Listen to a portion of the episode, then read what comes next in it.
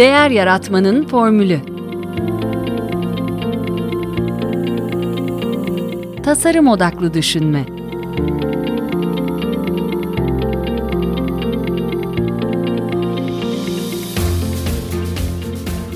Merhaba, ben Mete Yurtsever. Değer Yaratmanın Formülü Podcast'inin ev sahibiyim. Ee, bugün yine bir solo bir bölümde size tasarım odaklı düşünme hakkında düşüncelerimi ifade etmek istedim. Tasarım odaklı düşünme hala birçokları için bir muamma. Ee, epeydir konuşulan bir konu ama bir türlü taşlar yerine oturmuyor. Genelde e, gözle görülen kısmı içine epeyce e, eğlence, oyun katılmış. Renkli postitler, işte el malzemeleri eşliğinde bir fikir geliştirme seansları gibi algılanıyor. E, tasarım sözcüğü e, hemen e, ön alıyor ve insanları çeken veya iten bu oluyor sanırım. E, neyin tasarımını yapacağız e, beklentisi oluşuyor ya da ben tasarımcı değilim veya bizim işimizin tasarımı ne alakası var e, oluyor insanlar. E, oysa asıl odak düşünmekte. E, bir tasarımcı gibi düşünmekte. E, bir tasarımcı için eldeki ürün veya hizmet bir araçtır. E, amaç e, kullanıcının işini görmesidir. E, bunun için de kullanıcının kim olduğu ve onun neye ihtiyacı olduğu önem kazanır. Tasarım odaklı düşünme bu yaklaşımın daha geniş anlamda iş ve sosyal hayatı uyarlanmış hali aslında.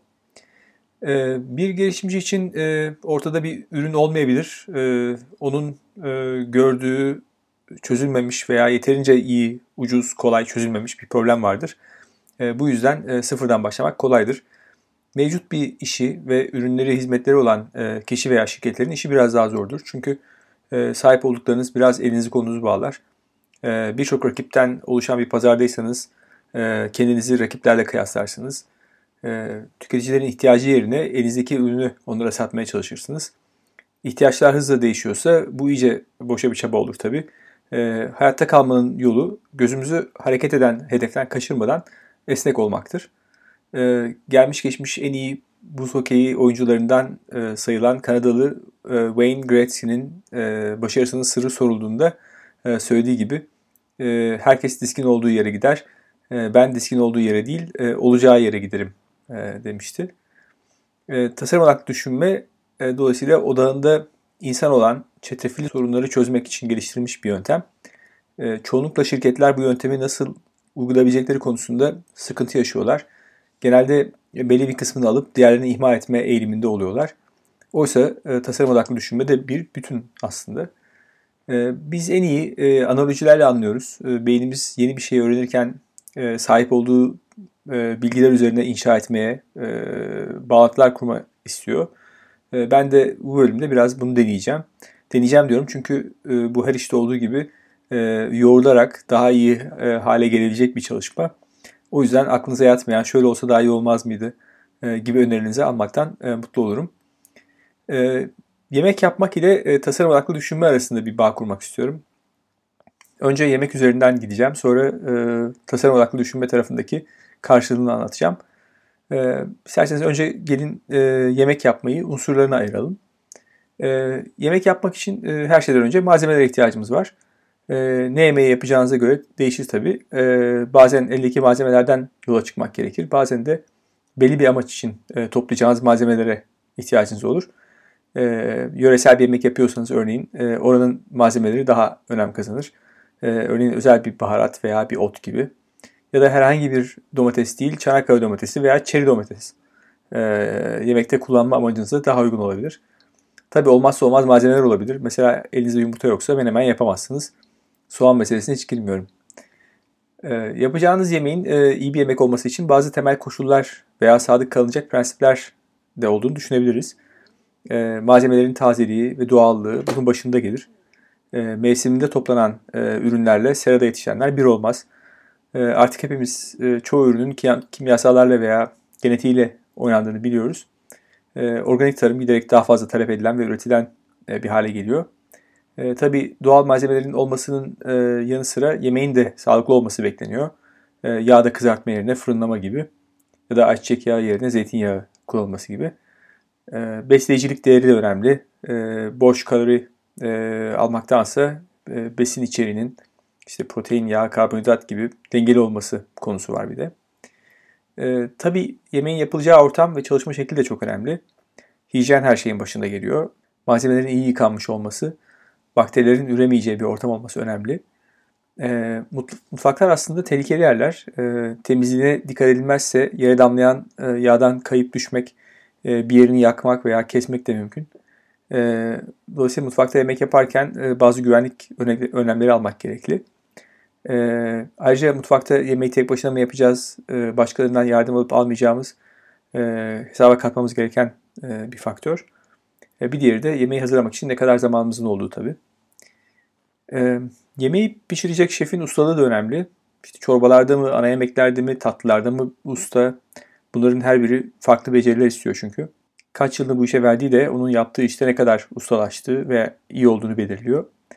E, işte göz kararı dediğimiz e, muhakeme yemeği görüntüsünden e, neye kadar, neye ihtiyacı olduğu, işte biraz onu eklemek veya ateşi kısmak gibi hep tecrübeyle gelişen yetenekler bunlar. E, her bir yemek bir reçeteye dayanıyor. Bu kulaktan kulağa, nesilden nesile geçen bir tarih de olabilir. Ünlü bir şefin kitabından alınan bir tarif de olabilir. Farklı yörelerde aynı yemek farklı şekillerde pişirilebilir veya malzemeleri farklılaşabilir. Bunun bir doğrusu yoktur ama yine de e, her yöre kendi metodunu tabii savunur. E, aklıma meşhur e, Yeşilçam filmi geliyor. Turşu limon suyundan bulur, sirkeden mi diye. E, ayrıca yemek yapmak için şüphesiz birçok araç ve gerece e, ihtiyaç duyarız. E, işte yemek pişirme kapları, spatula, kepçe, merdane, bıçaklar hemen gözümüzün önüne gelenler. Tabii fırın, işte ocak, mikser gibi araçlara da ihtiyacımız olur. E, sonuçta göze ve damağa hitap eden bir yemek yapmak için e, bunların hepsine ihtiyaç vardır. E, tabii bazılarına diğerlerinden daha fazla. E, peki e, sizce malzemeler mi, prensipler mi, ortam ve çalışma şekli mi, yemeği yapan kişinin yetkinliği ve yetenekleri mi, reçete mi, araç ve gereçler mi daha önemlidir? Veya hepsi önemli diyorsanız önem sırasına göre nasıl sıralarsınız? İsterseniz burada bir iki dakika durdurup e, düşünün. E, bunu tasarım odaklı düşünme tarafına geçmeden e, küçük bir test gibi düşünebiliriz. Şimdi isterseniz durdurun hakikaten kaydı. Evet, düşündünüz mü? Şimdi gelelim tasarım odaklı düşünmenin bu konuştuğumuz başlıklardaki karşılıklarına. Tasarım odaklı düşünmenin ham maddesi e, yani malzemesi kullanıcı veya tüketici içgörüsü. Buna insanların derinde yatan ihtiyacı veya derdi diyebiliriz. Buna bulamamışsak e, ortaya koyacağımız çözümler sayısız kalacak demektir. Benim de sıklıkla söylediğim e, piyasada gördüğümüz problemi olmayan çözümlerden e, biri olacaktır. Dolayısıyla içgörü e, yemeğin malzemesi gibi malzeme olmadan yemek yapamayacağınız gibi nitelikli malzemeleriniz yoksa yemekte yavan olabilir. Otantik olmayan bir içgörüden iyi bir çözüm çıkmaz. Tasarım odaklı düşünmenin temel prensipleri ve değerlerinin başında insan odaklı olması geliyor. Değer üretirken odağına insanı alması gerekiyor. Ee, bunun önemini içgörüyle vurgulamıştık ama üzerine durmakta fayda var. Üreteceğimiz ürün veya hizmet e, müşterinin ihtiyacını karşıladığı oranda değerlidir. Şirketler genelde ürün ve hizmetlerine fazla takılmakla hata ediyorlar. Tabi e, insan odaklılık çalışanlar için de önemli. Şirketler onların sadece bilgilerini ve tecrübelerini değil, duygularını da dikkate almalı. Bir diğer prensip ise e, belirsizliği kucaklamak. Geleceği tahmin etmek yani belirsizliği ortadan kaldırmak için olağanüstü bir çaba sarf ediyoruz. E, ve bu çoğunlukla boşa gidiyor. Daha doğrusu plan yapmak iyi ama e, bunda aşırıya kaçmak e, yıpratıcı oluyor. Çevremiz her zamankinden hızlı değişime uğrarken hala 3 yıllık stratejik planlar yapıyoruz. Bu tahmin edilebilirlik yanılgısı bizi yeni dolayısıyla tahmin edemeyeceğimiz adımlar atmaktan alıkoyuyor. Zira hata yapmak da geride bıraktığımız çağın büyük kabahatlerinden biri. E, hala bunu e, öğrenme fırsatı olarak görmek yerine başarısızlık olarak yaftalamak ağır basıyor. Halbuki hata yapmamanın en garantili yolunun hiçbir şey yapmamak, dolayısıyla ilerlememek olduğu çalışanlara aslında bu mesajın verildiği göz ardı ediliyor. Nasıl yemek yapmakta tazelik, doğallık, sağlıklılık, dengeli besleyicilik önemliyse tasarım aklı düşünmede de insan odaklılık, belirsizlikleri kucaklama ve hataları öğrenme fırsatı olarak görme önem kazanıyor. Tasarım aklı düşünmede e, temel yaklaşım ve zihniyeti e, benim değer yaratmanın formülü olarak tanımladığım 5 başlıkta özellikle toplayabiliriz. İlki merak. Meraktan faydalandığımız e, ilk alan e, tasarım aklı düşünmenin de birinci adımı yani empati. Sahici bir merakla sorununu çözmek istediğiniz kişiyi dinlemeniz içgörülere ulaşmanızı kolaylaştırır. Merak e, konuyu alabildiğince geniş perspektiften ele almayı, daha çok kaynaktan beslenmeyi, dolayısıyla farklı bakış açıları kazanmayı sağlar. İkincisi işbirliği.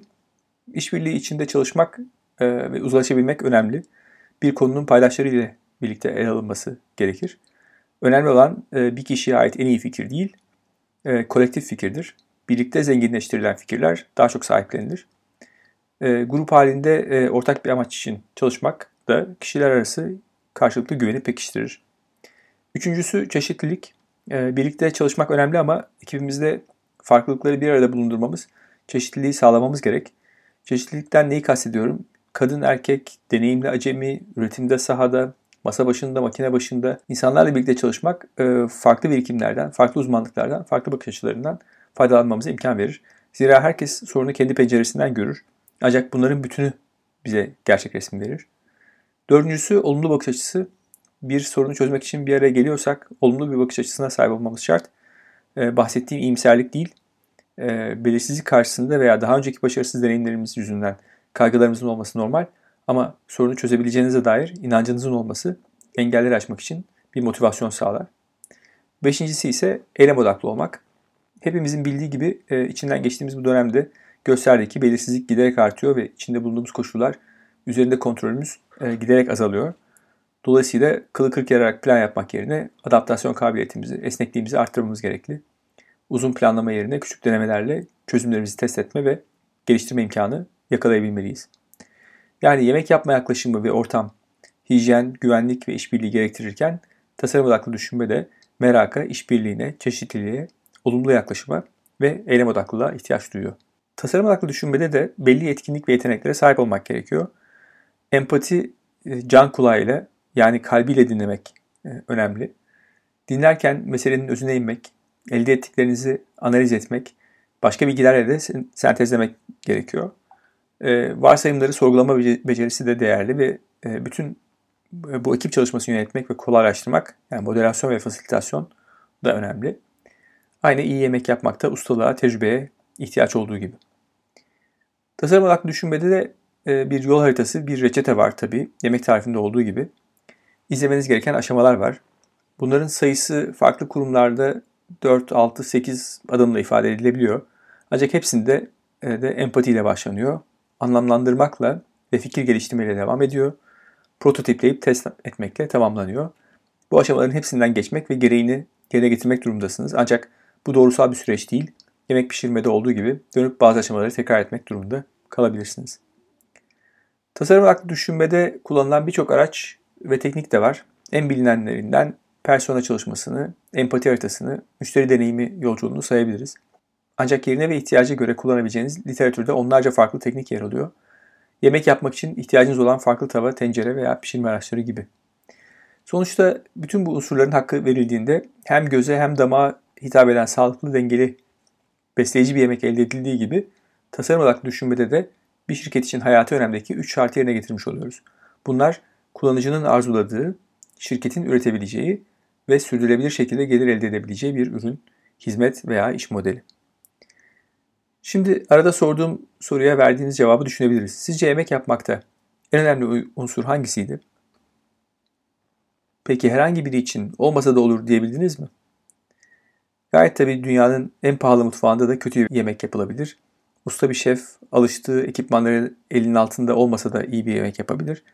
Ama kötü malzemelerle sağlıklı ve lezzetli bir yemek çıkmaz büyük ihtimalle. Örnekler çoğaltılabilir ama sanıyorum demek istediğimi anlıyorsunuz. Tasarım odaklı düşünme de araçların ve aşamaların yanında bir çalışma anlayışı ve etkinlikler bütünü istiyor. Bunların bir kısmı dışarıdan karşılanabilir ama prensipler ve değerlerden taviz verilemez diye düşünüyorum.